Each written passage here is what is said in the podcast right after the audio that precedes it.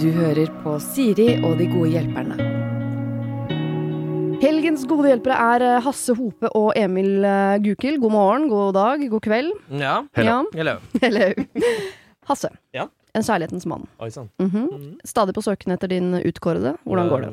Jeg har jo fulgt deg i mange år, og det har vært mye Altså, du har ikke vært aleine hele veien, men du er stadig søkende. Jeg er stadig søkende. Altså, Ja. Jeg har nå vært søkende i fem år, da. Så Ja. det, er jo, begynner å røyne på, som det heter. Ja. Eh, så tenker jeg alltid jeg må jo bruke disse mulighetene som en kontaktannonse. Mhm. Eh, jeg er en jævla bra fyr.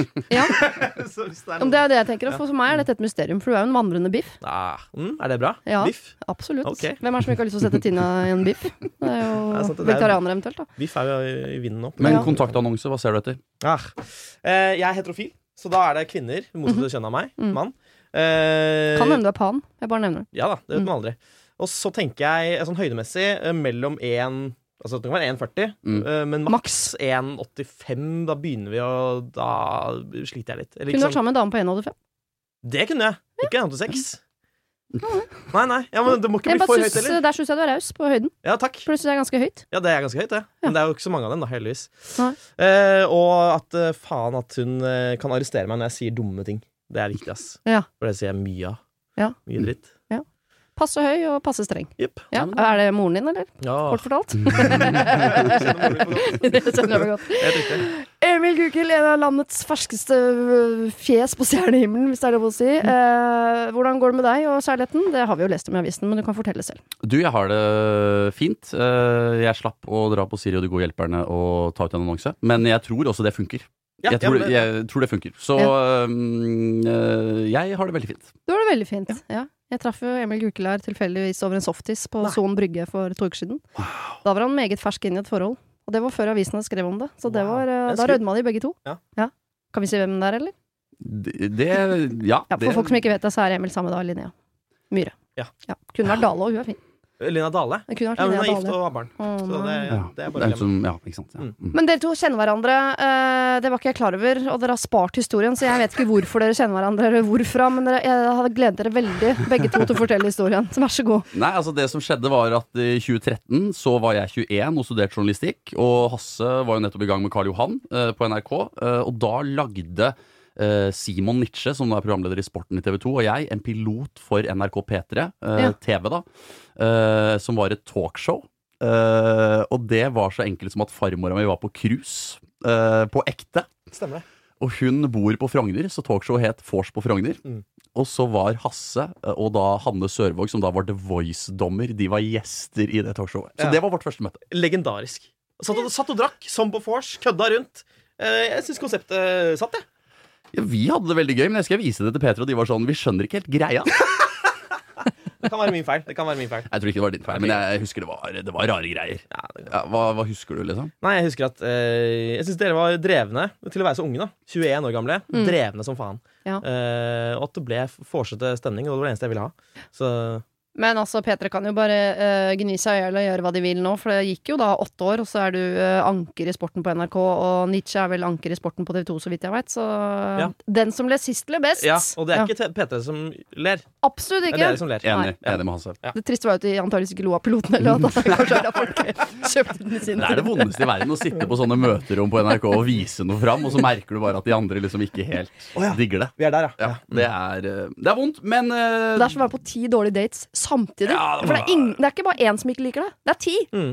Jeg husker vi hadde, vi hadde noen sånne sketsjer som vi prøvde å vise, og um, Håkon Mosleth i P3 var sånn Jeg skjønte ikke poenget i sketsjen. Men nå er det ikke stort han skjønner. da. Han trodde at Sp- Spice Girls var en flopp, ikke sant. Så det er jo, Ja, eh, nei, det er- han er jo det er helt ute på de greiene der. Det kan dere trøste dere med. Mange andre gode sider. Ok, det kan du fortelle meg om en annen gang. Dere, vi skal ta et eh, problem her, eh, som kommer fra en dame på 34. Mhm. Hun skriver Jeg er en dame på 34. Så langt er vi ikke noe lenger enn det jeg allerede har fortalt. Jeg er blitt sammen med en fyr på 23. Vi to isolert sett har det fint sammen, men når vi er sammen med mine eller hans venner, så blir det ofte rart, men jeg håper det går seg til. Men på starten av sommeren i år så skal vi på tredagers tur i fjellet sammen med tre venner av meg. Nå har kjæresten spurt om en kompis av seg kan joine oss. Det er den mest barnslige av dem. Det kommer til å bli fullstendig krasj. Men skal jeg bare hoppe i det, eller skal jeg si nei og la det møtes på et senere tidspunkt? Kall meg Eva. At jeg tror hun tenker at mine venner og hans venner må jo på et eller annet tidspunkt møtes. Ja. Mm. Men skal den barnsligste av hans venner møte mine venner tre dager på tur i fjellet? Uff. 34-23.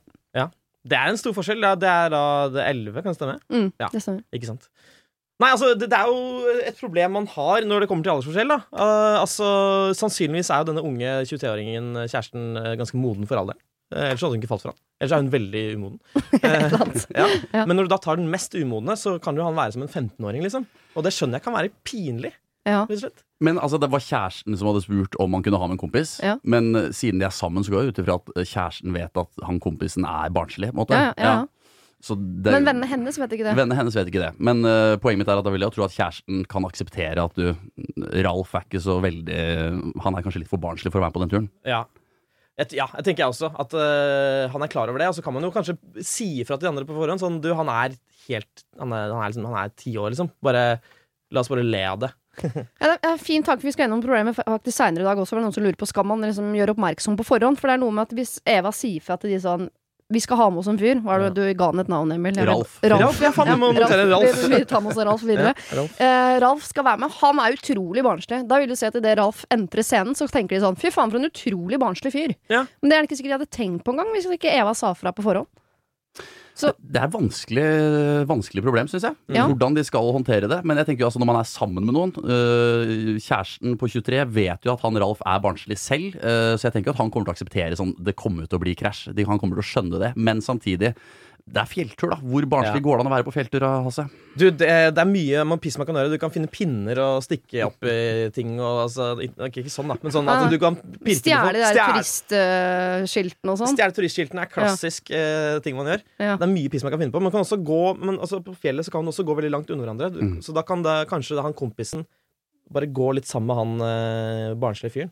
Og Ja, holde sett- unna de andre. Jeg har sett for meg Jeg hadde Adrian Sellevold her som hjelper forrige helg, og Ja. han øh, hadde jeg jo gleden av å følge 71 grader nord også. Han Innimellom så blei jo han øh, det klassisk barnslig. Ja. Når han hadde lavt blodsukker, så blei han sånn 'Jeg orker ikke mer!' Ja. Og det er klart at hvis Ralf er en sånn type som alltid vil sette seg ned og må lokkes med Kvikk Lunsj for å gidde å liksom komme seg opp på toppen, Mm. så det er flaut. Det er vanskelig, men samtidig så kan det jo hende at uh, de eldre vennene setter pris på det. da At det er litt gøy. Uh, og det er jo ikke uh, kjæresten hennes som er barnslig, det er jo Ralf som er barnslig. Så det er jo ikke sånn øh, 'herregud, kjæresten din er teit'. Det er jo kompisen til kjæresten som er teit. Ja. Og, og kjæresten vil jo da i sammenligning virke veldig moden. Mm. Så egentlig er dette Nå begynner jeg å snu til at dette ikke er et problem. Dette er jo en gave. Det kan være en fordel. Ja. Ja. ja, Den det blir vanskelig for, er jo kjæresten til Eva, som jo har sikkert en eller annen rolle når han er sammen med Ralf. Som Ja. er da sånn typisk fyr som stjeler isskilt og er litt sånn crazy banana. Og Mm. så må han jo da oppføre seg når han er sammen med dama si Eva. Så, og nå må han gjøre begge deler samtidig. Er ikke det lureste her bare å snakke med kjæresten om øh, bekymringen? Dele tanken om at uh, jeg syns dette er litt vanskelig. Hvordan tror du Ralf kommer til å oppføre seg? Hva tenker du at kommer til å skje? Hvordan kommer mine venner til å reagere? Mm. Og så finne en løsning sammen på en eller annen måte. Mm. Ja. Og så kommer jo Ralf til å ta seg sammen òg. Altså, jeg bare tenker sånn, hvis vi plutselig nå skulle hengt med uh, Christian Borch da, og kompisen hans, det er, det er dritfett. så hadde jo ikke vi utelukkende snakket om Paradise Hotel. Vi hadde prøvd å snike inn en setning om noe Opera. eh, renessansekunst eller et eller annet inni der. Ja. Amerikansk politikk eller et eller annet vettugt Ja. innimellom. Nei, og så tenker jeg, og Da kan jo øh, denne 23 år gamle kjæresten også, når han skjønner at øh, kjæresten er bekymra, si fra til Ralf du, det er noen voksne venner der, ta og oppfør deg litt. på en måte. Mm. Ja. ja. Og så tenker jeg faktisk også først og fremst at Eva må jo stå for det valget hun har tatt. Hun har blitt sammen med mye yngre fyr. Han, Ja. Når han er 23, så skal hun ikke oppføre seg som om han er 34. Nei. Så han, det, han må få lov til å være 23. Og det, det valget må hun jo være eh, egentlig stolt av. Hun er jo forelska i fyren. ja, sorry, men hun, som hun sier, de skal jo møtes en eller annen gang uansett. Eh, og da vil jeg heller, hvis eh, jeg hadde vært sammen med en 23-åring, så ville jeg heller eh, at eh, vennene mine skulle møtt eh, vennene hennes eh, på fjelltur enn på vors, Ja. for eksempel. Ja, Mm. ja faktisk. Ikke alkohol involvert, eh, ikke musikk involvert. Det er flere feller å gå i for Ralf eh, på et vorspiel enn på en fjelltur. Ja, shit. Når, Ja. Når de liksom begynner å spille Spice Girls, og han ikke tar referansen Ja. til det bandet, det er jo dritflaut. Men det skjer ikke på fjellet. Det er ikke, han, han Ralf kan ikke dra i gang fotballsanger på fjellet. Og det er, så fjelltur er kanskje perfekte møte, egentlig. Ja, Og så er det et litt voksen valg også. Tenk sånn, ja.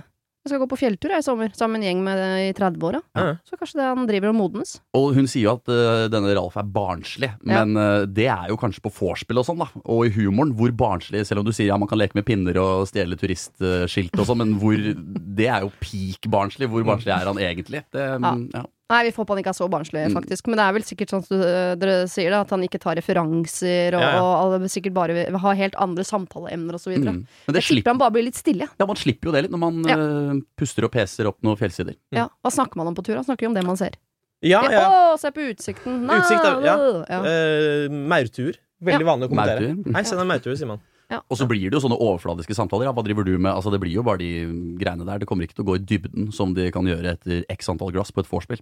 Ja, den dybden må vi spare. Mm. Vet du hva, eh, vi har snudd. vi. Ralf skal selvfølgelig være med på tur. Eh, Eva, før eller seinere så må de møtes, det sier du selv. Og det er jo eh, på- eh, heller på fjellet enn på vors.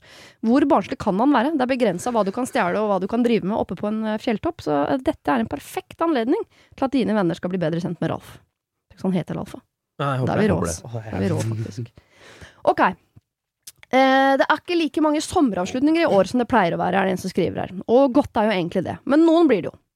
Min datter er ferdig på barneskolen nå, og vi foreldrene på kullet har i den forbindelse spleisa på en gave til læreren som en takk for syv fine år. Det er alltid noen foreldre som sluntrer unna det meste. Sånn har det vært hele veien. Dessverre er det ofte de samme. Snart kvitt dem, si. De har ikke gitt penger til denne innsamlingen, og dette er ikke en familie uten penger, da hadde saken stilt seg annerledes. Dette er en familie som heller sender penger enn å stille opp på dugnad.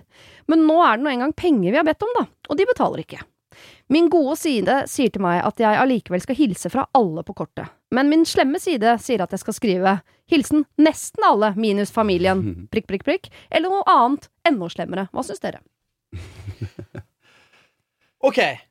okay de skal, de, de skal gi en pengegave, Ja. Og det er noen som ikke vil betale. Det er utgangspunktet her. Ja. Ja. Og ikke heng deg opp i det at det er eh, avslutning og barn, for det er Nei. sikkert bare en verden dere ikke er helt inne gjennom. Ja, men det det er det er spleis på gave. Ja. Noen har ikke giddet å gi penger. Skal Ja. de stå på kortet? Ja, man kan jo, man kan jo kjenne oss igjen i at folk sluntrer unna og ikke gidder å bidra eller være med. Det er Ja. det mest irriterende i hele verden. Ofte Ja. på byen når man liksom skal ta runden, alle skal ta runden, og så er det en som alltid blir sittende igjen sånn Oi, da, nå, er- stenger det visst! Det er det verste. Å, Ja. det er det verste. Nei, Eller betaler til slutt på regninga. Det er sånn når alle har lagt på tips, er sånn Mm. Nei, da har du ikke noe igjen for meg å betale. Så fint, da. Ja, Så dette er et stort uh, problem i samfunnet generelt. Mm. Um, nei, altså Først og fremst ville jeg jo gått hardt på å få inn de Altså send Vipps-krav. Altså Jeg vet ikke, vet ikke hvor langt hun har gått for å få inn pengene, da. Nei. Uh, men det hadde vært første plan. Gå langt for å få ring. men samtidig så er jo det Skal jo ikke være nødvendig, egentlig, da. Nei. Så det hun spør om, er egentlig hva hun skal skrive på kortet. Ja, Og så er hun irritert for mer enn de pengene. Hun er Mm. irritert for alle de sju åra med alle de dugnadene og alle de greiene hvor de aldri har stilt opp. Så hun har jo egentlig lyst som et sånn lite sånn fuck you på slutten der. Mm. Sånn, Ja, fordi dette med at ikke de stiller på dugnad, da tenker jeg ok, fordi Hvis det handlet om at dette bare var en veldig fattig familie Mm. Hvis det er liksom de går rundt i sånn, det er sånn tønne med bukseseler, alle Ja, sammen de der, eh, de der Mm. eh, Da ville jeg tenkt liksom Nei, skriv dem på kortet, de har ikke råd til det her. Men dette er en familie som ikke tar ansvar. Ja. Eh, så da er det bare en gjeng douchebags. Jeg ville Mm. ikke skrevet det på kortet. En, en siste, siste stikk til noen foreldre du alle skal møte igjen. Ja, altså vet jo mest sannsynlig Altså Læreren har jo forholdt seg til denne familien i sju år, eh, han eller hun også. Ja. Eh, Så han eller hun vet jo at eh, den Altså Læreren har jo kanskje litt samme inntrykk, og det er jo bare læreren som skal lese kortet. ja. Kortet skal jo ikke leses høyt. Men én ting er jo på en måte å skrive hilsen, og så skrive alle navnene nedover, bortsett fra ett navn. For det, Mm. det er det jo ingen som går i sømmene. Det er ikke sånn, men da mangler det ikke mellom K og L her, skulle det vært et etternavn. Mm. Så det er en ganske sånn, da har du på en måte fått hevnen din, men ikke vært så eksplisitt. Da. Men hun har ikke skrevet sånn Familien Lorentzen, som jeg nå har kalt det, Ja. eh, de har ikke vært med på denne gaven, bare så vet jeg. Ja. Det er eventuelt bare skrive familien Lorentzen på kortet, og så stryke det over, sånn at du ser Ja. Du legger jo klasselista, så stryker du over. Ja, ja, for eksempel.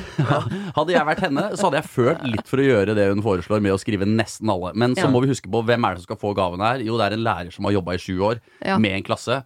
Læreren vil jo få en hyggelig oppmerksomhet, og når du får en sånn hyggelig oppmerksomhet og blir litt rørt og glad, så vil du ikke at fokuset til læreren skal gå over på å ja, nesten alle, hva er det Hæ, er det noen som ikke liker meg, eller hva Fokuset forsvinner litt, kanskje, da. Og blir jeg bare brukt som en brikke i et hevnspill? Ja. Ja, det er noe altså. jeg har hørt på lenge. Så øh, instinktet sier 'skriv nesten alle', men fornuften sier uh, bare 'skriv alle'. Det handler, læreren skal bli fornøyd, det er det det handler om. Så får du heller uh, straffe denne familien Lorentzen på en annen måte.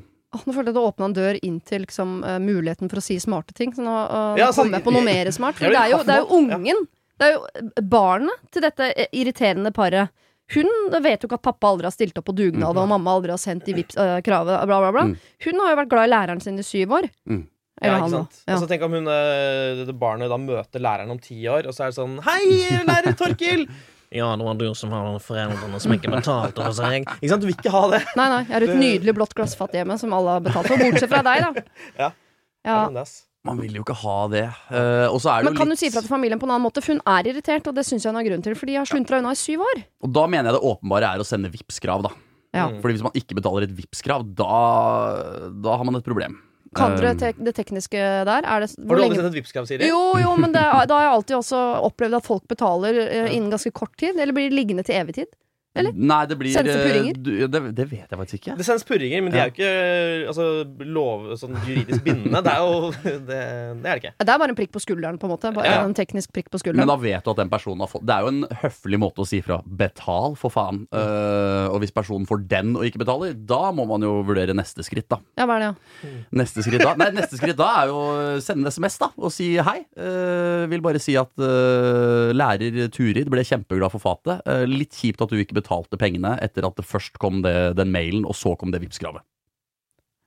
Uff, det er ja, fordi, det mest fornuftige voksne fordi, å gjøre. ja, fordi hvis vi kjører den hyggelige linja som jeg liker ja, Nå har jeg snudd litt her, eh, så er det ikke noe gærent i at de i hvert fall får vite at du, vi, dere er på kortet, Mm. selv om de ikke betalte. Ja, de- de skal ikke få bare cruise gjennom det her uten dårlig samvittighet. Nei, Og så er det noe deilig med å være liksom the bigger person som sier Ja. sånn Jeg skrev navnet deres på kortet til tross for at dere ikke har betalt. eh, fordi sånn er jeg. Bare for å snikskryte Ja, da kommer jo de til å få kjempedårlig samvittighet. For, eller det Jeg vet vi jo ikke. det. Men eh, hvis de ikke får det, da er det jo bare å legge inn hele gjengen. Altså, mm, Ja. ja. Jeg hadde sendt med uh, dattera lapp, ja. Gi dette til mamma og pappa. Og så fortalt hva som sto inni. Ja. Det er så vondt når lille Lotte kommer hjem med musefletter og gul kjole, og hun bare 'mamma, pappa'. Sånn snakker man på slutten av barneskolen fortsatt. Det er veldig rart. Dere har ikke betalt. Ja, uff. Jeg, jeg, bare, jeg er veldig glad i eh, hevn sånn generelt. Syns det er gøy å leke med tanken, men Ja, ja. Jeg, jeg setter det aldri ut i livet. Bortsett fra den ene gangen Nei, hva hadde vært hva, okay, hva Jeg klippet opp alle bokserne hans sist. sånn små biter. Men hva hadde vært hevnen her, da? Fordi det, Jeg er jo enig i at én hevn er å si til læreren eh, at eh, nesten alle har betalt, men igjen, som vi om, det fjerner jo Det ødelegger jo opplevelsen til læreren. Ja. Så hevnen må jo tas direkte på dem på en eller annen måte. Du kan jo si til kiden din at spre et rykte for kind og spre et rykte. det er det ondeste du kan gjøre, kanskje. Ja, jeg ser for meg øh, Nå kjører vi gjennom en liten by, Drøbak kanskje, Mm. eller et eller annet. Ja. Um, og for hver lyktestolpe nedover så er det et bilde av enten av mor eller far, ganske stort, og så Oi. står det tekst som er sånn Dugnad 2012, var ikke til stede. Klassefest 2013, var ikke til stede. Ja. Eh, klassetur 2014, betalte ikke. Ikke. Bare sånne nye tekster, samme bilde, gjennom hele byen som en sånn parade. Hevnparade. Ja, dette har du vurdert før. Dette har du vurdert før. Det, mm, nei, det er jo det ultimate, ja. Eh, men jeg har jo en litt sånn Du elsker jo hevn, Siri. Jeg elsker jo også hevn, på en måte, men på en litt annen måte. Fordi du elsker jo hevn. Hvis du hadde gjort det der, da hengt opp på lyktestolpen i Drøbak. Nei, men, okay, men Ja, la, oss si du hadde gjort det. Da. Da hadde de jo skjønt at de hadde driti seg ut, og potensielt blitt bedre mennesker. Min hevn er jo ofte heller bare å la den personen fortsette å være ræva, for det kommer til å straffe seg. Det er det det ikke gjør. Oh. Det går helt fint for meg at den Jeg preges ikke at jeg måtte betale 50 kroner ekstra for det fatet til Turid, liksom. Nei. Men den personen kommer til å gå resten av livet og være en idiot, og det kommer til å tape seg til slutt. Det er det de fornuftige sier, vet du. Ja. Det er det de fornuftige folk sier. Ok, vi har løst dette. Dere skal uh, sette alle på kortet, men dere skal sende Vipps-krav. Er ganske strenge på det. Uh, gjerne sende en eh, melding i etterkant. Si sånn, jeg har satt navnet deres på kortet, for jeg regnet med at det var en glipp at dere ikke betalte der og da, men uh, det er fortsatt mulig å betale. Hvis ikke så skal dere vite at jeg la ut de 50 kronene for dere. Og noe vi lærte i Forsvaret som er utrolig lurt å ta med seg videre i livet, er jo å bare si hva man føler. Fordi Ja. Hvis man sender en SMS og sier du, jeg føler meg, jeg er litt skuffa for at du ikke betalte de Fordi det er en fasit. Ingen kan ta fra deg dine egne følelser. Takk for meg. Det var det jeg hadde. Det lærte du i Forsvaret. Det var helt sjukt. Eh, eh, vi skal til en annen familie, og her eh, eh, som i de fleste problemer vi får inn, så er dere nødt til å på en måte bare fylle på litt info sjøl. For den er ganske sånn mangelfull, den mailen her, vil Oi. jeg påstå. Men jeg skjønner at her, her ligger det mye greier som, som murrer. Hei, Siri og dine medsammensvorne. Jeg er et familiemenneske som har en tendens til å legge mye i når det kommer til eh, å ha et positivt, omsorgsfullt og godt forhold til nærmeste familie. Så kom problemet. Min nye svigerfamilie. De er ikke akkurat der, og de har egentlig aldri hatt et nært forhold til hverandre, men et forhold. Det betyr igjen at vi krasjer på mange områder i forhold til forventninger. Jeg føler det blir veldig fokus på negativitet, konflikter, mistillit og konspirasjoner, noe jeg ikke skjønner noe av. Dessverre er ingen av de flinke til å ordne opp og snakke sammen, og jeg blir gal og sliten av å gå på akkord med meg selv for at vi skal ha eh, ro, mindre negativitet og et forhold til de. Hvordan forholde seg til dette etter seks år, da jeg har gitt opp litt og lurer på om jeg skal trekke meg tilbake og fokusere ene og alene på min familie, kall meg Sunniva. Skjønner du jeg, eh, først og fremst hva jeg mener med at det er mangelfullt? Ja, nå må jeg virkelig begynne nå må jeg... Sunniva kommer fra en familie.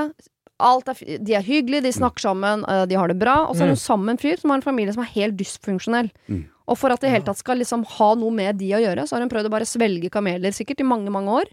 For å ha noe med de å gjøre i det hele tatt, for hun tenker at det er en verdi å ha kontakt med familien.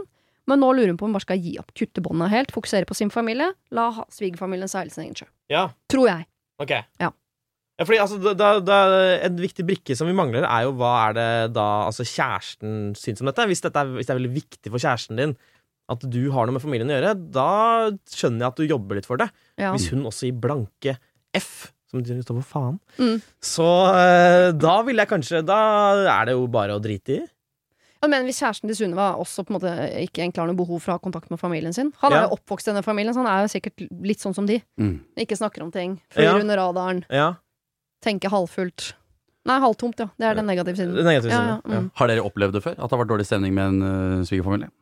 Jeg syns ofte det er bedre familie, stemning i svigerfamiliene mine enn min egne. egen. Så jeg oh, ja, ja, ikke sant? Ja. Ja. Nei. For det, det virker jo som at hun har prøvd her. Ja. Lagt inn en innsats, ikke sant. Gjort det hun kan. Uh, og så etter hvert så gir man jo opp. Hvis man, det skjønner jeg jo. Hvis man prøver og prøver og prøver. Uh, og da kan man jo heller bare gi opp litt og la dem kjempe litt, da. ja, men de Kommer de til å gjøre det, liksom? Nei, men uh, er det verdt det da, er spørsmålet. Hvis de ikke gjør det. Ok, Nei. Nå kommer dagens kjedeligste setning her, men altså, vi må jo også tenke på barna. Eh, For det kan jo komme barn inn i bildet her, Mm. Og det er jo trist at de, de ikke skal ha forhold til sine besteforeldre. Ja. Hvis dere har tenkt å ha barn, ta en runde til på det der. Uh, ellers så Mm. får du barn med issues, kanskje. Vet ikke. Men, ikke sant? Dette er en familie som aldri liksom har klart å, å, å, å kommunisere godt. Ja. Er det for seint, liksom? Kan Sunniva alene snu det greiene der? Kan hun være liksom nøkkelen som gjør at liksom som- får de på glid? Ja, hun kan jo være det. det er jo, men altså, spørsmålet er hvordan hun har prøvd de siste årene. òg. Har, hun, har hun bare prøvd å være hyggelig? Har hun prøvd å interessere seg for det de interesserer seg for? Har hun prøvd å tilpasse seg deres uh, nivå når det kommer til hvor sosiale de er? Uh, altså hva Det kommer litt an på hvordan hun har prøvd, tenker jeg. Mm. Uh, har hun prøvd alt, så har hun jo prøvd alt. Men det er jo alltid noe nytt man kan prøve. Ja. ja for jeg regner med at dere, dere har jo hatt noen svigerfamilier opp igjennom, vil jeg tro. Haha. Er, er det viktig å ha et godt forhold til svigerfamilien? Ja, det vil jeg si. Men det kommer jo an på personen du er sammen med, da. Det er 100 vil jeg si. Mm, ja. Altså, Hvis det er viktig for den personen, da er det viktig for deg. Mm. Er det ikke Ja. viktig for den personen, så. Altså Man kan klare seg helt fint uten òg, at de bare er fins et eller annet sted. Jeg er sikker på at det fins tusenvis av forhold i Norge hvor det er dårlig stemning den ene eller den andre veien, Ja, eh, og det går helt fint. Ja. Mm. Men uh, spørsmålet er jo som Hasse begynte med, nøkkelen litt er jo hva, hva sier kjæresten? Hva er viktig for han? Ja, for det kan jo hende at denne, uh, i i Sunnivas øyne dysfunksjonelle familien, egentlig tenker at de har det helt fint. De er en gjeng som syns at uh, sola aldri skinner, og uh, verden er stort sett dritt, og alle filmer er dårlige, og folk er ræva. Og det Ja. kan jo Og det syns de er helt greit. det kan jo egentlig hende at de liker henne også, bare at de det er en kommunikasjonskrasj her. At de Ja. kommuniserer på helt forskjellige måter. At Hvis du hadde spurt den svigerfamilien hva syns dere egentlig om Sunniva, så er kanskje de ja, ålreit, kul, vi koser oss med henne. Men Sunniva har kanskje litt behov for mer kommunikasjon og mer tilbakemeldinger og mer Ja. følelser da, enn hun får fra den familien. Så Ja. det er jo kanskje noe Sunniva også må tenke på, da. Ja, at de, de, de har ikke knukket ko hverandres sosiale kode ennå, kanskje. Nei, og må de det? Fordi hvis de er en gjeng som er på denne måten, og så er hun eh, på en annen måte, for sånn har hun vært med sin gjeng, Mm.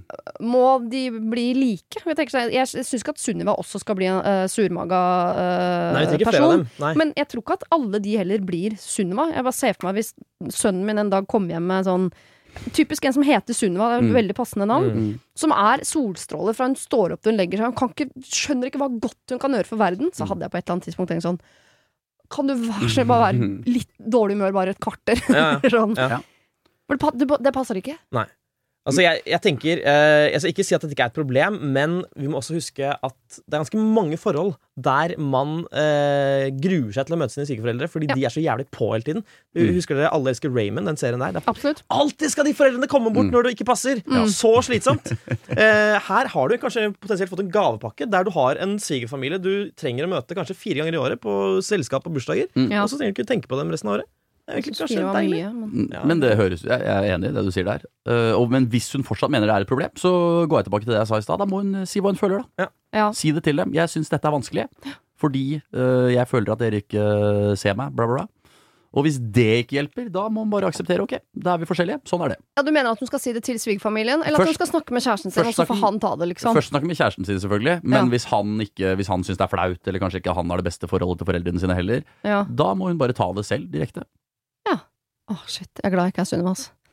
Ta på meg en hel sånn gjeng som du skal oppdra, på en måte. Ja, det høres utrolig slitsomt ut. Ja. Men ok, Sunniva, du skal snakke med kjæresten din. Høre litt eh, Kanskje han ikke syns det er et problem. Kanskje han tenker sånn Nei, sånn har vi alltid hatt det, og det, sånn, sånn er hos oss, og det får du bare godta. Mm. Eh, men hvis det er så slitsomt for deg at du ikke orker, så får du prøve å gjøre noe med det. Og får du ikke gjort noe med det, så får du enten eh, bare ta avstand.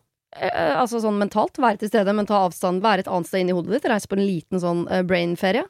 Eller bare ikke ha noe med det å gjøre. Møte fire ganger i året. Karsten Warholm sa noe veldig bra eh, da han ble spurt om hva han tenkte om at noen ikke likte han. Og da sa han jo 'jeg liker jo ikke alle, jeg heller', så jeg kan jo ikke forvente at alle skal like meg. Det er helt riktig. Er det noen som ikke liker Karsten Warholm? Nei, det tror ja, jeg ikke. han er ikke bare flink i sport, han er faen meg flink i livet også. Ja, jeg vet det. Irriterende flink type, liksom. ok, vi skal til nygifte Gerda. Hei, står der. For noen år siden møtte jeg verdens fineste fyr. Og for første gang har jeg tenkt at dette er noe jeg både tror og ønsker kan vare resten av livet. Det å gifte seg har aldri vært en drøm for meg, men plutselig betydde det noe at han skulle fri og satse på oss for alltid. Vi hadde før frieriet snakket om at ingen av oss ønsket oss et stort bryllup eller fest. Jeg kunne tenkt meg å bare dra til utlandet og bare være oss. Men mannen min hater å reise, så da når nedstengningen atter en gang kom, eh, så bestemte vi oss for å gifte oss på rådhuset med forloverne våre. Jeg snakket med eh, min familie og han med sin, og min familie var veldig glad på våres vegne og ønsket at vi skulle gjøre det sånn som vi ville ha det. Hans familie ble eh, mer av typen ja, jeg håper du kan si hvilken dag det er, da, så vi i hvert fall kan stå utafor og se på. Jeg skjønner at nærmeste familie har et ønske om å være på en sånn seremoni, selv om det var eh, bare det det skulle være. Så kansellerte rådhuset alle vielser, og eneste mulighet var eh, da å, med kommunen sine egne vitner. Så da tok vi kontakt med en kirke, og der kunne vi være ti. Så da tenkte vi at ja, da får nærmeste familie være med på seremonien, og alle blir fornøyd. Jeg gledet meg over at det eh, skulle bli slik. Så vi hadde en flott seremoni, og utenfor hadde slektninger stilt opp med blomster og flagg, så hadde vi en veldig hyggelig middag med forloverne. Forloveren til mannen min gjorde det tydelig at dette var ikke feiring nok til hans forventninger. Vi fikk også kort fra en annen familiemedlem på hans side, eh, hvor de skrev at de gledet seg til festen som kom senere. Vi har aldri sagt at det skal bli noe fest senere, og eh, det var heller ikke målet da vi giftet oss. Forloveren til mannen min uh, ga ikke noen gave. Vi fikk uh, heller ikke blomster eller gave fra venner og forlovere på mannen min sin side, for forloveren min sa at gaven kommer på festen. Eh, vi har sagt at det er eh, ikke slik vi ønsker å gjøre det, at vi ville bare ha en utrolig fin dag sammen, samtidig som vi eh, nå er glad for at eh, det hele er over. Er jeg smålig som irriterer meg over at andre mennesker eh, skal legge rammer og føringer for vårt bryllup? Vi har alt vi trenger, så det er ikke det at eh, det er noe krise for gave. Jeg bare syns hele greia er ubehagelig og smålig. Forloveren antydet også at det var en eh, utenlandsreise han ønsket å gi, noe jeg også stiller meg svært undrende til, da vi faktisk er i en pandemi. Eh, vi har nettopp blitt foreldre, og mannen min hater å reise. Kan være det er hormoner altså, som gjør meg så irritert uh, over denne typen oppførsel. Uh, så er det meg og hormonene mine det er noe i veien med, eller er hele opplegget litt ugreit også i deres øyne og ører? Kall meg gjerne nygifte Gerda. Ja, Opplegget er ugreit.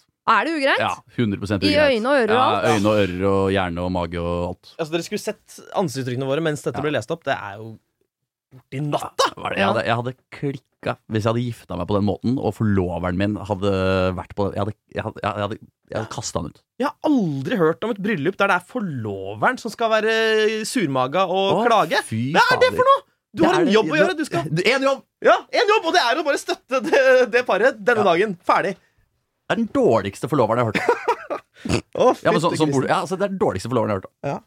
Men tror du ikke, hvis vi skal prøve å rosemale det, at det bare er en fyr som tenker sånn åh, eh, Som er en sånn fyr som liker å feire kjærligheten stort, Mm. og tenker at eh, Og så glemmer han at folk har forskjellige behov. Men nummer én, tenk det, ikke si det. Nummer to, kanskje si det på forhånd, eller? Eller et, ikke etterpå, men si det på forhånd. Ikke si det i bryllupet. På middagen. Dere er fire personer på middag. Way, gift! Ah, du syns det er litt kjipt? Det. Dette, Gleder meg til festen. ja, fest, å, da. fy det er, ah, Nei, nå ble jeg ble provosert, da. Jeg er kjempeprovosert. Men resten av familien, for det er tydeligvis flere på, uh, på mannen til Gerda sin side som føler at familien også ble skuffet sånn dere, oh, ja, vi får ikke lov til å være med på seremonien engang. Altså jeg har mer forståelse for det. Det er fortsatt irriterende, men det er mer forståelsesfullt det enn at forloveren skal være grinete. Ja, Ja. Og, så- og så er det litt sånn, Man bryr seg ikke om hva en random tante fra Stryn tenker, på en måte. Men forloveren er jo bestekameraten til denne brudgommen. Ja. Det Man skal forvente mer. Altså, du reagerer mer på forloveren enn på øvrig familie? Ja, mye mer, fordi familie Eller det kommer an på hvor tett man er med familien sin, selvfølgelig, da, men det fins alltid noen familiemedlemmer i alle familier som vil være misfornøyde eller syns noe er teit. Eller det, sånn er det. For forskjellige aldre og forskjellige steder man bor og forskjellige steder man kommer fra. Men Ja. en bestevenn er det der er svik. ja, det er sterke ord, men det er uh, berettiget. Ja. Det, det er den største dagen i livet deres, potensielt. Bortsett fra hvis de skal få barn. Ja. Eller de har barn. De, de har barn, ja. de Men, har um, nettopp barn. De skal tenke tilbake på den dagen og eh, ha gode minner, men så skal de alltid ha den lille, Ja. bitre jævelen som de skal tenke på. Ok, men da er vi enige om at det var, eh, det var ræva av forloveren. Vi kan forstå at foreldrene hadde lyst til å være med på seremonien. De fikk det jo, så det problemet er på en Mm. måte løst. Og, eh, men alt dette har jo skjedd. Og da er spørsmålet mitt sånn ja, Hva gjør vi med dette, da? Fordi Gerda er irritert, og nå har vi eh, stilt våre øyne og ører til disposisjon. Vi er Mm. enig i irritasjonen. Dette er helt ute. Forloveren er ræva. Verste Ja. forloveren vi har hørt Ja. om. Mm. Hva, gjør vi med, hva, hva, skal vi gjøre med det? Han skal jo ikke være forlover en gang til. Nei, altså Det er jo det som er litt kjipt. da, At eh, den dag, De hadde forhåpentligvis en kjempedag, men eh, det er jo som Hasse sier, den er jo alltid litt sånn litt ødelagt på en måte. Eh, også de slektningene også som klagde. Det er så egoistisk, da. Et Ja. bryllup handler jo om de to som gifter seg, og ingen andre egentlig. Mm. Det handler jo om dem. Så samme hva de andre mener. Jeg bare, nei, hva hun skal gjøre. Hun eh, skal sette pris på støtten hun får av oss. da Hun har helt rett i alt hun føler. Ja, men skal hun eh, kjefte på denne forloveren, eller? Det, det syns jeg er helt greit. Jeg synes det er helt greit å kjefte på alle som klager på den dagen. Altså, du, Mm. kan, eh, du kan være storhjerta alle andre dager. Mm. Den ene dagen handler om dere. Mm. Bare dere. Men den har de hatt. De er ferdig. Ja. Og da, kan, da sier du til forloveren Du, din forbanna promp. Du, gi, gi oss den gaven. Vi skal ha den gaven. Ja. Du skal ikke ha- gisselgave og få oss til å ha fest. Gisselgave Ja, er det er- gøy det er fint ord. Ja, ja. Eh, og du kan si det samme til familien. Uh, eventuelt ha en liten middag med mamma og pappa. Bare sånn, Dette er vår lille fest. Men uh, Men skal man ta brodden av det? Fordi nå er det en hel gjeng på hans side. En forlover og noe familie og noe tante fra Stryn og noe greier som sitter på en måte og venter på en fest. Som Gerda her vet at den festen kommer aldri til å skje. Mm. For, fordi de har uttøka De skal ikke arrangere fest for å please. Det er vi bare helt enige om, sant? Ja. Eh, skal hun få sagt For jeg tror jeg ville synes det var ukomfortabelt at jeg følte og tenkte at åh, nå går folk rundt og snakker om den der festen de tror Skal man si fra? Sende ut takkekort sånn 'Tusen takk, kjempebryllup'. Jeg vet at dere kanskje hadde ønska dere en stor fest. Skjer ikke. Enten må man gjøre det på den måten, eller så er det jo, det er jo typisk nordmenn, føler jeg, at man, eh, han forloveren kommer til å komme med en kommentar på dette. Neste middag eller vorspiel eller hva som helst. Eh, Det kommer til å komme en kommentar til. Eh, Slektningene òg kan fort komme med en kommentar. Og det er sånn typisk som folk tror de slipper unna med. Å bare komme med litt sånn, sånne små stikk. Men da må hun må ta det når de stikkene kommer. Det er det jeg hadde gjort. Ja. Ventet på at Istedenfor å spare på det og ta det når han kommer hjem, ligger i skje med mannen og sånn Du, det Frank sa. Ja, Ha, Det er jo ett alternativ, selvfølgelig. Men andre, andre alternativ er vente til man er på en middag på restaurant, og han var sånn Ja, dette er jo som bryllupet deres. Og så er det sånn Faen, så fet du er av altså bare, Ja, men ta den, liksom. Fordi jeg hadde, jeg hadde klikka. Ja. Ja.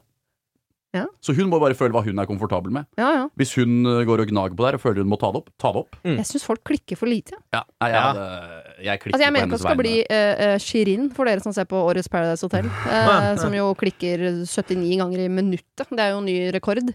Men uh, innimellom syns jeg sånn folk som er veldig sånn sindige, Må innimellom få lov til å klikke litt. For det er så mange Ja, som går rundt og oppfører seg dårlig fordi det er ingen som Ja. tør å klikke på dem. Gerda kan gi meg nummeret til disse folka, så kan jeg gjøre det for henne hvis hun ikke vil gjøre det selv. Fordi jeg er du klikkaktig type? øh, Jeg kan klikke for det her, ja. ja. ja, altså, Du er en mer jeg, jeg er konfliktsky type, altså, så du hadde ikke gjort det. der. Altså. Det er veldig Ja. fint. For du, hvis dette hadde vært din forlover, så hadde du bare vært litt skuffa herfra ut. Eh, Aldri sagt noe. Ja, jeg hadde holdt det på det trykkoket ganske lenge. Ja. Så hadde jeg sagt det da jeg var 60 eller noe. På gamle, før du stakk kniven igjen. ja, noe. Sakte implodert. Ja. Ok, Gerda. Vi har gitt deg eh, våre øyne og våre ører. Vi er enige med deg. Dette er helt urimelig. Verdens mest ræva forlover. Forstår familien litt grann at de hadde lyst til å se sin sønn bli gift osv. Den festen skal du ikke ha, og hvis du har behov for å si fra om det, så send ut et kort, eller vent til temaet kommer på banen. Men da skal du tillate deg å klikke. For dette skal ikke du ta med deg videre i livet og ligge og murre og murre og murre og på et eller annet tidspunkt i en alder av 60 begynne å knivstikke folk, som altså Hope kommer til å gjøre. så dette må du ta eh, nå, før det vokser seg enda, enda større. Har du et problem og trenger hjelp, ja, så sender du det til meg. Da bruker du Siri, alfakrøll, radionorge.no. Kjære Siri og de herlige hjelperne. Jeg har et uh, akutt problem som jeg håper dere kan hjelpe meg med. Jeg er student i 20-åra uh, som i noen måneder nå har uh, data noen, og det er et avstandsforhold. På avstand har dette fungert ganske bra, men på ekte så er det anstrengt. Jeg føler rett og slett at det er vennskap og ikke noe mer enn det men er ganske sikker på at han er uenig og har sterkere følelser for meg. Så hvordan kan jeg få sagt dette til han? Jeg er selv ganske direkte, men vet at han ikke takler det så bra. Hjelp! Jeg ønsker ikke å lage mer skade enn nødvendig. Håper dere kan finne en god løsning. Hilsen usikker student. Kall meg hva dere vil. Hmm. Eh, hun Altså, uh, det er avstandsforhold. De kommuniserer antageligvis godt på SMS og den slags. Eh, men når de møtes, er ikke noe, det er ikke noe kjemi der. Nei. Det er jo på en måte det som kanskje er viktigst, eller? eh, At det ja, er god stemning når man møtes. kjempeviktig. Ja, Viktigere enn SMS, ja. Kan vi kalle henne Emmeline? Jeg Emeline er fint. Ja. ja. på. Eh, nei, men altså, dette er jo et problem jeg tror vi alle har vært borti når man eh, altså Kanskje særlig som har vært på datingapper. da Altså Ja. Hvordan man er på tekst kontra i virkeligheten. Og det kan være enorm forskjell. Mm. Du kan ha verdens beste kjemi på tekst, og så når dere møtes, så er det bare som å møte et helt annet menneske. Eller at noen har kjempeselvtillit Ja. på tekst, Ja. Ja. og så i virkeligheten så er det omvendt. Ja. Mm. Ja. Så, så dette er et problem. Eh, det er aldri god stemning når de møtes. Men de har jo blitt sammen, og de, jeg regner med de har Ja. ikke blitt sammen over tekstmelding. Nei. Så de må jo på et eller annet tidspunkt Så må de ha hatt kjemi nok i virkeligheten, som hun kaller det, da, når det Mm. ikke er SMS, eh, til at de har giddet å blitt sammen.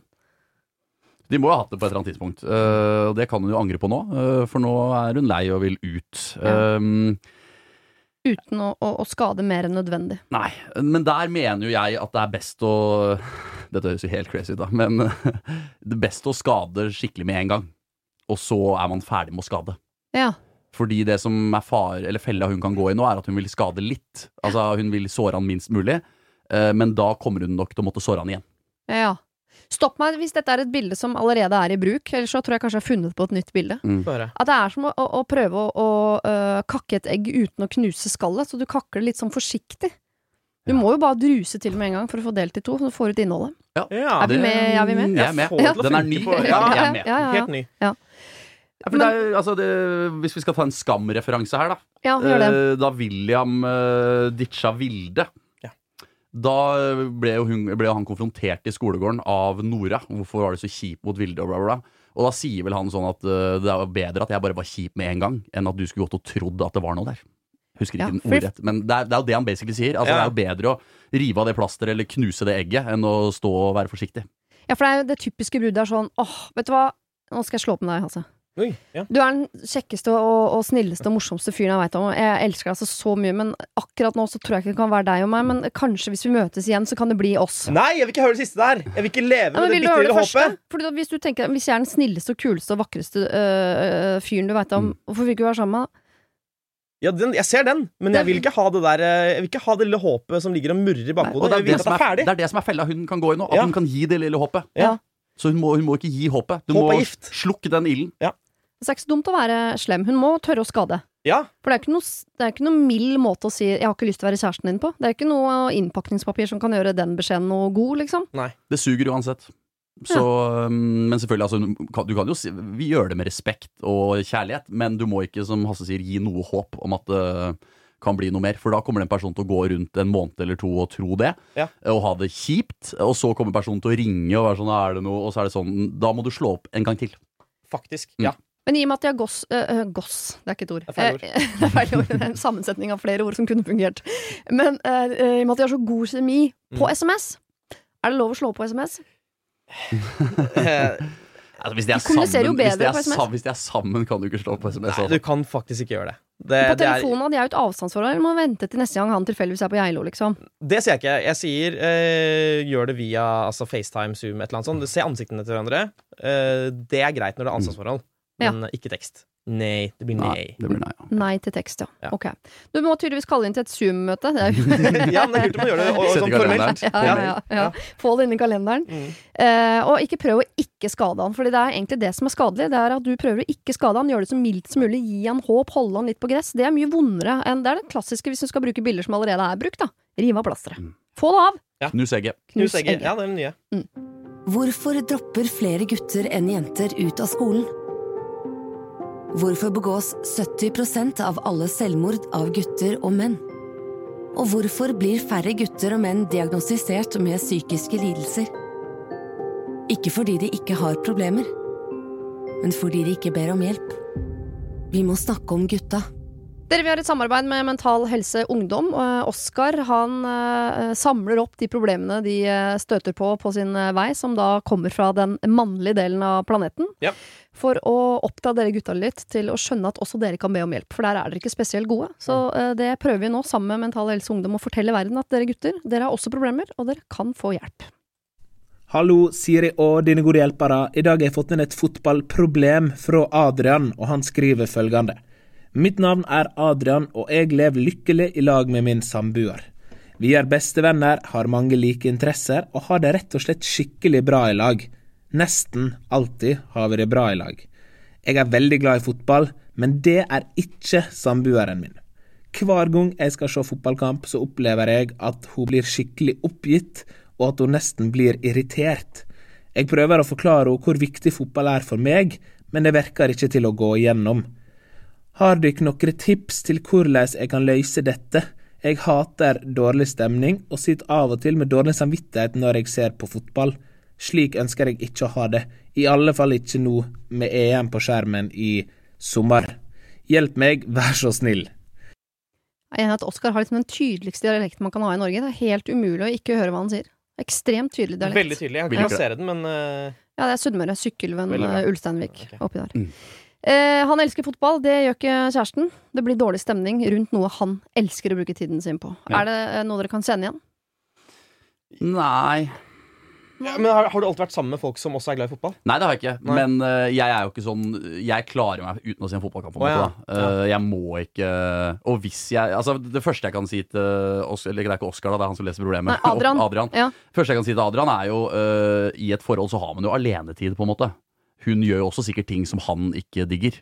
Mm. Ser på ting, hører på ting, leser ting som ikke han har et behov for å være en del av. Mm. Så det er jo kanskje argument én. Eh, men eh, det jeg har gjort tidligere, eh, og venner av meg også har gjort, er jo å introdusere spillegalskap.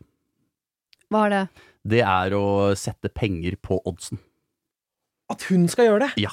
Wow! Bare for at hun skal bli på en måte eh, økonomisk og litt emosjonelt investert i det som foregår på skjermen. Det Ja. handler ikke om den ballen og de guttene, det handler om uh, Handler om penger. du 50 kroner blir 100 kroner i dag. Ja. Det, er, det har fungert for flere, vet jeg.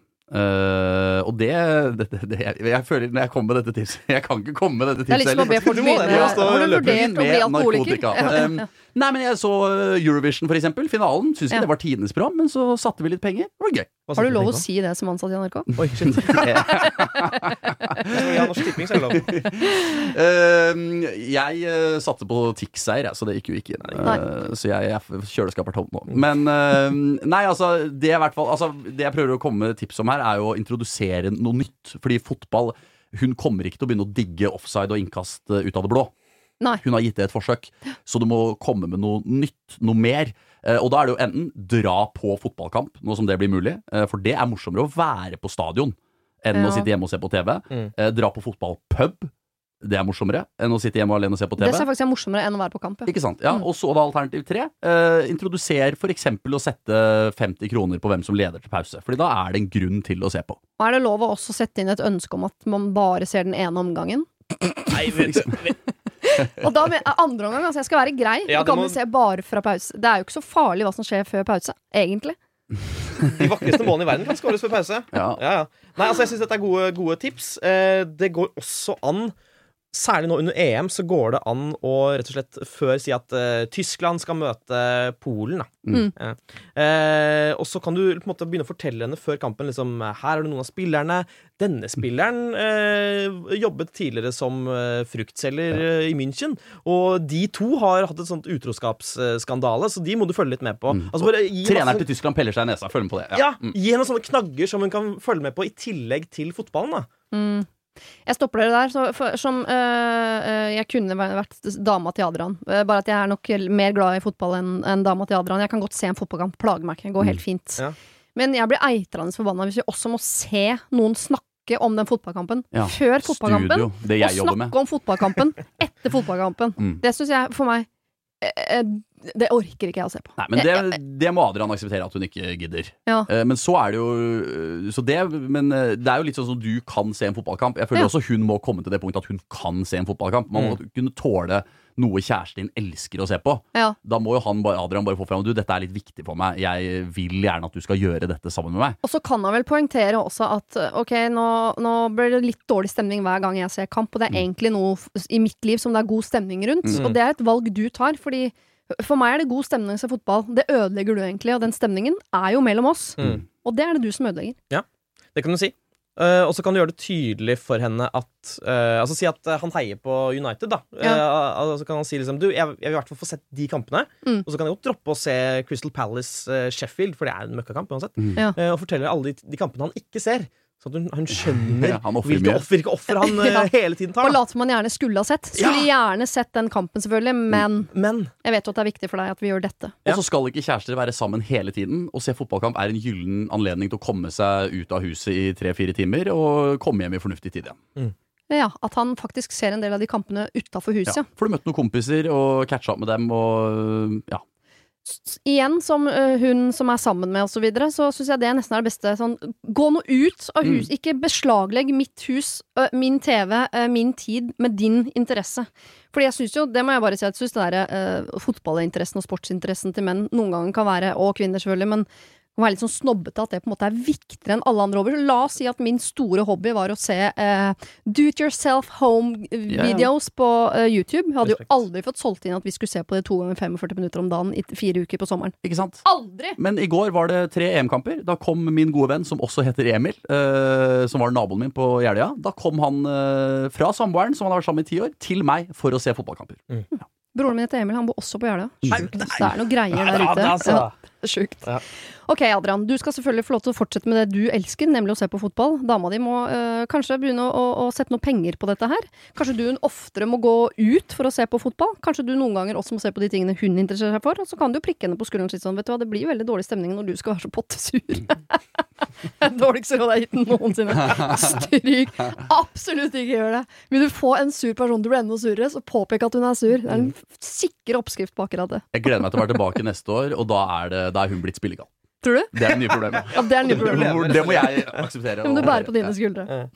Ok, nå skal vi faktisk til en mann. Så eh, det vil jeg bare si at da har det fungert, dette samarbeidet vi har med Mental Helse Ungdom. For nå hender det at vi får inn mail også fra menn. Mann 32, dette her, altså. Jeg har jobbet de to siste årene i en familiebedrift. Vi er litt over 30 ansatte her, og det er en utrolig kul jobb. Jeg er megaheldig som har fått denne jobben, og jeg føler at de virkelig har tatt meg inn i varmen som en av sine. I sommerferien skal jeg på tur med min familie og et vennepar med sin familie. Vi skal som folk flest, vil jeg tro, på norgesferie. Planen er klar, selv om noen overnattinger er satt av til tilfeldighetene. Og nå har disse tilfeldighetene lagt seg slik at sjefen min og hans storfamilie har et gigahus på et av stedene vi har tenkt å besøke. De skal være der alle sammen, og har spurt om vi vil overnatte og være sammen med dem et døgn. Det vil vi jo, men her er problemet. Vårt vennepar er muslimer. Som åpenbart ikke er et problem for oss, men jeg vet at min sjef og hele hans slekt er noe så utdatert som hverdagsrasister. Egentlig vil jeg jo bare gi blaffen i det, ikke si noe til noen og dukke opp der med en forventning om at dette her må dere bare ta dere sammen og behandle uh, alle folk ordentlig, men det vet jeg jo ikke om vil være casen. Så det jeg lurer på er, og her kommer vi til det som jeg sa fram tidligere i dag, skal jeg advare kompisen min da om at sjefen er hverdagsrasist? Skal jeg advare sjefen om at kompisen min er muslim? Skal jeg la være å si noe? Skal jeg risikere den gode stemninga jeg har på jobben i dag? Dette er et tema vi fint kan klare å holde oss unna, nemlig for bestandig på jobb. Så prikk, prikk, prikk. Knut, prikk, prikk, prikk. Skjønner dere? Ja. Altså, her kan en eh, ferie eh, Her her kan en bruke ferien til å sette et eksempel sånn Sjefen, ta deg sammen. Ja. Det greiene der er helt ute. Men da forsvinner jo den gode stemninga på jobben. Så her kan han kan også fortsette å fly under den radaren, da. Hvis Ja. han. Nei, altså jeg er av det prinsippet at eh, Altså, eh, liksom når det kommer til rasisme, så fortjener alle som har sånne tanker, å høre det. Mm. Ja. Uh, uansett om det går utover stemningen på jobb. Altså, Ha noen prinsipper, liksom. Ja, er du keen på å ha god stemning på jobb hvis det er rasistisk stemning også? på en måte? Ja, Det virker jo som han liker jobben sin såpass godt at han er villig til å på en måte overse det. Fordi det er ikke tema på jobb. Så jeg tror ikke det er sånn at han på jobb må gå rundt og late som han også er hverdagsrasist for å være en av gutta, Mm. liksom. Det tror jeg ikke. Nei. Men han vet jo at de er hverdagsrasister, så det har jo kommet fram på en eller annen måte. Ja. På jobb, Antagelig. vil jeg tro. Ja. Uh, nei, Sikkert i en eller annen søknadsprosess. Han får ikke jobb, for å si det sånn. Nei, jeg tenker uh, ta med venneparet og hold kjeft, og det, man skal ikke måtte tilpasse seg der, altså. Nei. Så ikke advar noen. Nei, fordi Det vi snakket om, uh, det første problemet vi hadde i dag, med den barnslige kameraten, det er jo en sånn filleting, på en måte. Eh, men her er det jo, som Hasse sier, noen prinsipper, og her må man bare um, kjøre på. Og ikke si fra til noen, sånn at det døgnet potensielt blir ubehagelig. Jeg tipper det er jo en del unger her, og det er mange involverte. De er jo en, en gjeng, liksom. Ja. Jeg bare ser for meg noen Fluenes herrestemning. Ja. Det er jo 40 idioter og, så, og to som skal slaktes, liksom. Ja, ja. Nei, men altså Dra på denne turen, og hvis du merker at uh, sjefen begynner å, å surmule eller ha noen kommentarer, og sånn, så arresterer du ham på Mm. det. Ja. Og om det skulle gjøre at du blir dårlig stemt på jobb, greit. Sånn får det bare være. Men uh, jeg tror ikke jeg ville sagt ifra til den muslimske, muslimske familien på forhånd. Nei. Jeg tror ikke du har lyst til å gå De inn skal ikke måtte til. Det er litt sånn som hun læreren eh, Hun skal ikke måtte lide for at noen andre er kjipe. Nei. Den muslimske familien skal ikke måtte tenke Oi, må vi tilpasse oss nå fordi Nei, ikke i det hele tatt. Men hadde du ikke villet vite det på forhånd? Hvis dere skulle eh, Dere skal på en fest, dere to. Det Mm. dere ikke visste på forhånd, var at på den festen så er det bare masse folk som Det verste dere veit, er hvite menn i 40-åra. Unnskyld, 30. Nei, ja, 20. Ja, ja, takk. Ehm, nei, altså Det er sikkert nok av folk som misliker både Hasse og meg, men eh, vi, vi blir veldig sjelden informert på forhånd. Fikk dere ikke den mailen før dere kom hit? Nei. Så det, jeg, jeg ville ikke visst det, tror jeg. Hvis noen uh, var sånn Ok, de hater folk over 1,90 fra Moss. Ja. Uh, da ville jeg ikke visst det, tror jeg. For da, man jo, da blir man jo selvbevisst og tenker Og, Tenker du bare på det hele tiden. Ja, må prøve ja. å oppføre meg lavere og Jeg må ha lavere sko, og hva, hvordan skal jeg håndtere det? Nei, men uh, er du ikke enig? Jo, jeg er helt enig.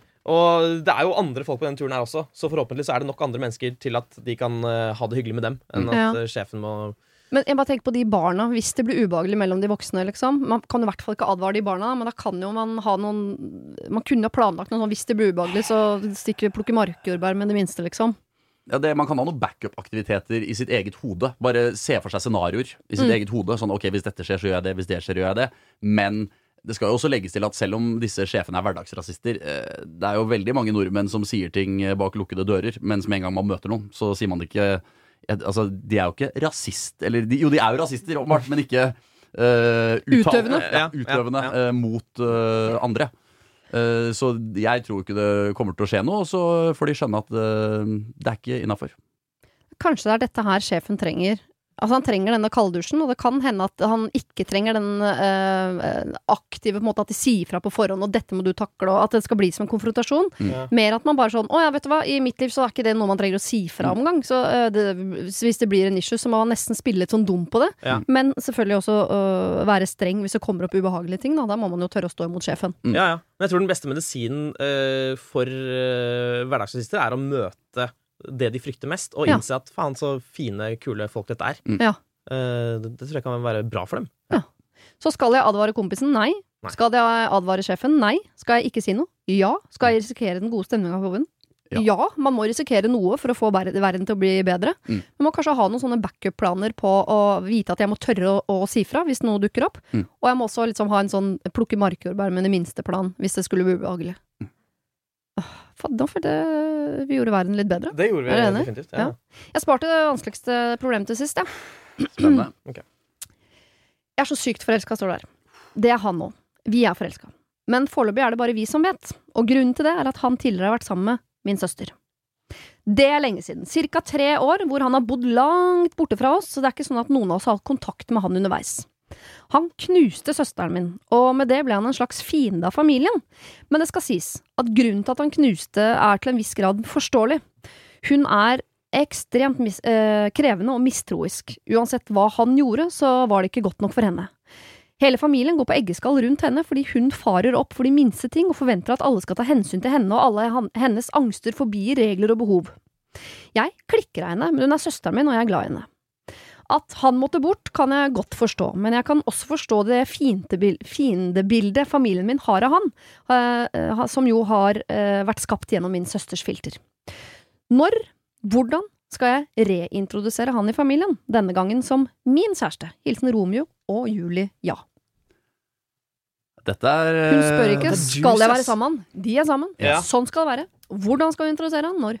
F- Familien vet ikke ennå at han er tilbake i deres liv. Puh.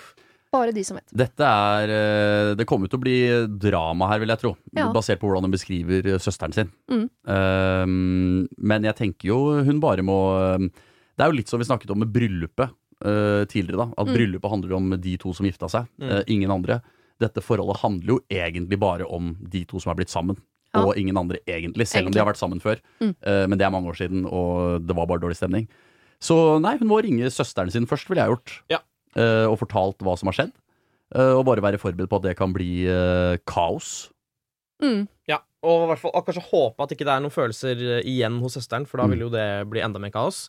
Og kanskje til og med, hvis søsteren ikke klikker i vinkel her, Mhm. eh, få søsteren til å snakke med familien og si eh, Du, alle de tingene jeg sa om eh, Tobias, eller hva han heter Mm. Tobias. Ja, kaller han Romeo her, da. Romeo, jeg regner ikke med at han heter det. Ja, Det er veldig at, få som heter det er sant. Nei, men at, hun, at hun får søsteren til å si at liksom, nei, du, alle de tingene jeg sa om Romeo for et år siden, det er, jeg, det er mulig jeg overlever litt. Han er Ja. egentlig en ganske fin fyr. Mm. At kanskje hun kan fortelle det, sånn at de da eh, ikke skal måtte forsvare eh, søsteren. da Ja, så vil, vil jeg også tro at foreldre tar ting med en klype salt. da Ja. at, de ikke, at de skjønner at det er kjærlighetssorg, og at de ikke bare Tror du ikke det? At Ja. de skjønner at det ikke var så dårlig stemning som det egentlig var. Ja. At det er to personer som har skyld i et brudd. Ja, og så må vel både Romeo og Julie, Julia belage seg på en ganske sånn lang og litt vond prosess, hvor, for de må jo erfare at han er en fin fyr. Ja. Og de må jo se at ja, men de to eh, er jo bra for hverandre. De andre var jo ikke så bra for hverandre. Mm. De må jo på en måte bli sendt med han på nytt. Det skjer jo. Jeg kjenner folk som er blitt sammen med mm, ja, flere i en søskenflokk. Oi. Mm. Eh, så det skjer jo, og det kan gå bra. Så man må jo bare mm, si det og bli ferdig med det. Og så, får, så, får jo søster, så må hun jo bare akseptere at søsteren kanskje trenger tid til Mm. å akseptere dette. Ja, for søsteren kommer jo Om ikke hun blir sur, så det, det blir jo ubehagelig. Altså, Ja, ja, ja. Det, dette er jo dritkleint, den Ja. første middagen med alle i familien og sånn. Mm. Og jeg vet ikke hvem det blir verst for. jeg. Søsteren eller Julia eller Romeo eller familien. Nei, jeg har to brødre, da. Hvis en av brødrene mine hadde blitt sammen med en eks av meg, det hadde jo vært uh, merkelig. Ja. Men uh, det hadde jo sikkert gått fint, da. Ja. Men det hadde også vært merkelig for familien din. Kjempemerkelig. Så nok en gang sånn Ja, svigerdatteren min! Igjen! Velkommen tilbake. Men eh, det er jo som du sier, Julia er jo sikker i sin sak. Så hun er jo fornøyd med hvordan ting er nå. Men det er jo et annet spørsmål. Hvor lenge har de vært sammen? Uh, hun sier ikke noe om det. Nei. Det Jeg tror det er ganske nytt. ja, så For vi har kan, ikke sett hverandre på tre år, liksom. nei, så det kan jo være at man kanskje skal vente og faktisk se at Ja, at- dette er riktig. Ja, for hvis, du liksom, hvis dere slår opp om to måneder, så har du vært gjennom en helt jævlig prosess helt uten grunn. Mm. Godt Ja. poeng. Ja. Vent litt med å introdusere han til familien. Det er lov, det. Eller da kan hun knytte enda sterkere bånd til sin søster og si sånn Fy faen, jeg skjønner hva hun mener. For en jævlig fyr han er. Jo, da, sånn er det. Det kan være. Men bare gi det noen måneder, kanskje. Før. Ja. Altså, hun høres 100 sikker ut, men bare vær helt, ja, 100% sikker på at du er 100 sikker, sånn at man ikke går i den fella. Altså, Ja. Altså uh, Paradise Hotel-aktig 200 sikker. 200 Er det det vi går for her? Ja. Men eh, Så da har vi svart på når. Hun skal vente litt til hun er ikke bare 100, men 200% sikker på at det blir de, Mm. også over tid. Eh, men hvordan? Ringe søsteren først, men hva da med øvrig slekt? Er det én og én? Eh, En stor middag? Felles brev er ofte fint. Ja. Ja. Gruppechat på Facebook. Ja, Eh, ja. Nei, altså Det er jo søsteren som først og fremst må få vite det. Ja. Og så er det jo foreldre og eventuelt andre søsken.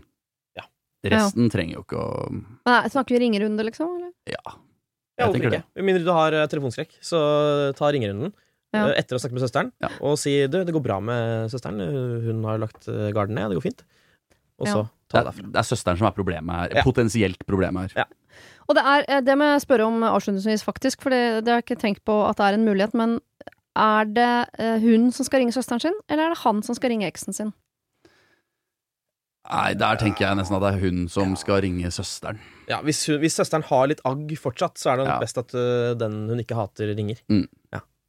ja. Eller da kanskje hun plutselig hater to, da. Hvis, hun er jo nærmere søsteren sin enn eksen sin, vil jeg tro. Mm. Uh, så jeg, jeg tror hun føler seg bedratt hvis det er uh, eksen som ringer, og ikke søsteren. At søsteren har holdt det hemmelig for henne. Mm. At det er et eh, større svik enn ja. Ja. Og så kanskje etter den telefonsamtalen møtes de tre først. Før de eventuelt møter øvrig slekt. Så ikke så første gang de er vi face to det. Ja, det Dette- Dette TV-programmet vil Hassel lage. ja. ja, jeg bare ser for meg julaften, liksom. At det er første gang Romeo da møter eksen sin igjen, Ja, er når det- han også møter svigerforeldrene igjen. Og altså noe greier. De har jo nettopp blitt sammen, de kan jo ikke kjøre jula 2021 sammen. De må vente litt. Ja. Vent med jula 2021. Vet du hvor lenge det er til jul, eller? Ja, Kan de ikke være sammen i jula? ja men ikke på julaften. Jeg trodde de mente julaften. Ja, nei, kanskje ikke julaften. Julaften. Kanskje det er fjerde dag jul, da. Som møttes. Fredag jul. Ah, hva om det blir dårlig stemning med søster, spør hun også etter sin egen underskrift. Det har jeg glemt å lese høyt, men det blir det. Det kan det godt hende at det blir. Ja. Det må du bare være klar over. Du må tørre å stå i dårlig stemning. Og så må jeg også si det, for det er veldig lett her at i sånne situasjoner så øh, bringer man stolthet inn. Da har du tapt. Hvis du er sånn, Nå har jeg fortalt deg dette, du ble sur, øh, og nå kan ikke jeg gjøre noe mer, for nå har jeg sagt fra. Mm. Nei, hun må få lov til å være sur mange ganger. Du må, du må stå i dårlig stemning ganske ganske lenge, for dette er ubehagelig for søsteren din. Så det, det må du bare stå i. Og familien må få lov til å reagere. Alle må få lov til å reagere. Og så kan jo, Søsteren kommer sikkert til å kjenne på flere følelser. Fordi på en måte er det jo herregud, det er eksen min, du er en ond hore. Men det kan jo også være eh, eksen min, eksen min er en hore. Jeg er lei meg for at du skal bli sammen med den personen. Så det kommer til å være mange følelser Å, hun herregud. kjenner på. Ja. Ja. Og så må dere treffe så fort dere orker, og så fort de orker, og treffe de flere ganger. For jeg Mm. tror de også må erfare med sine egne øyne at fader, de er jo ganske fine sammen, de der to. Ja. Godt at de er sammen. jeg. Så må man, hun må si til søsteren at folk blir eldre og utvikler seg. Det har gått tre år. Ting skjer. Ting skjer. Mm. Mm. Eh, Hasse, Emil, eh, det har vært veldig veldig hyggelig å ha dere med som mine gode hjelpere. Veldig hyggelig gøy at dere fikk treffe hverandre igjen etter åtte år. Reunion. Reunion. Ja, ja, ja. Nå skal vi rette opp til leiligheten til farmor og ha folk. Endelig. Ring hun uh, Hanne Sørvold. Hun er der allerede. Ja, ja, hun sitter hun er der, ja. Ja. Kjempefint. Ha en fortreffelig sommer, begge to. Det var det. Husk å sende ditt problem til siri at radionorge.no om du vil ha hjelp. Denne podkasten er produsert av Klynge for Bauer.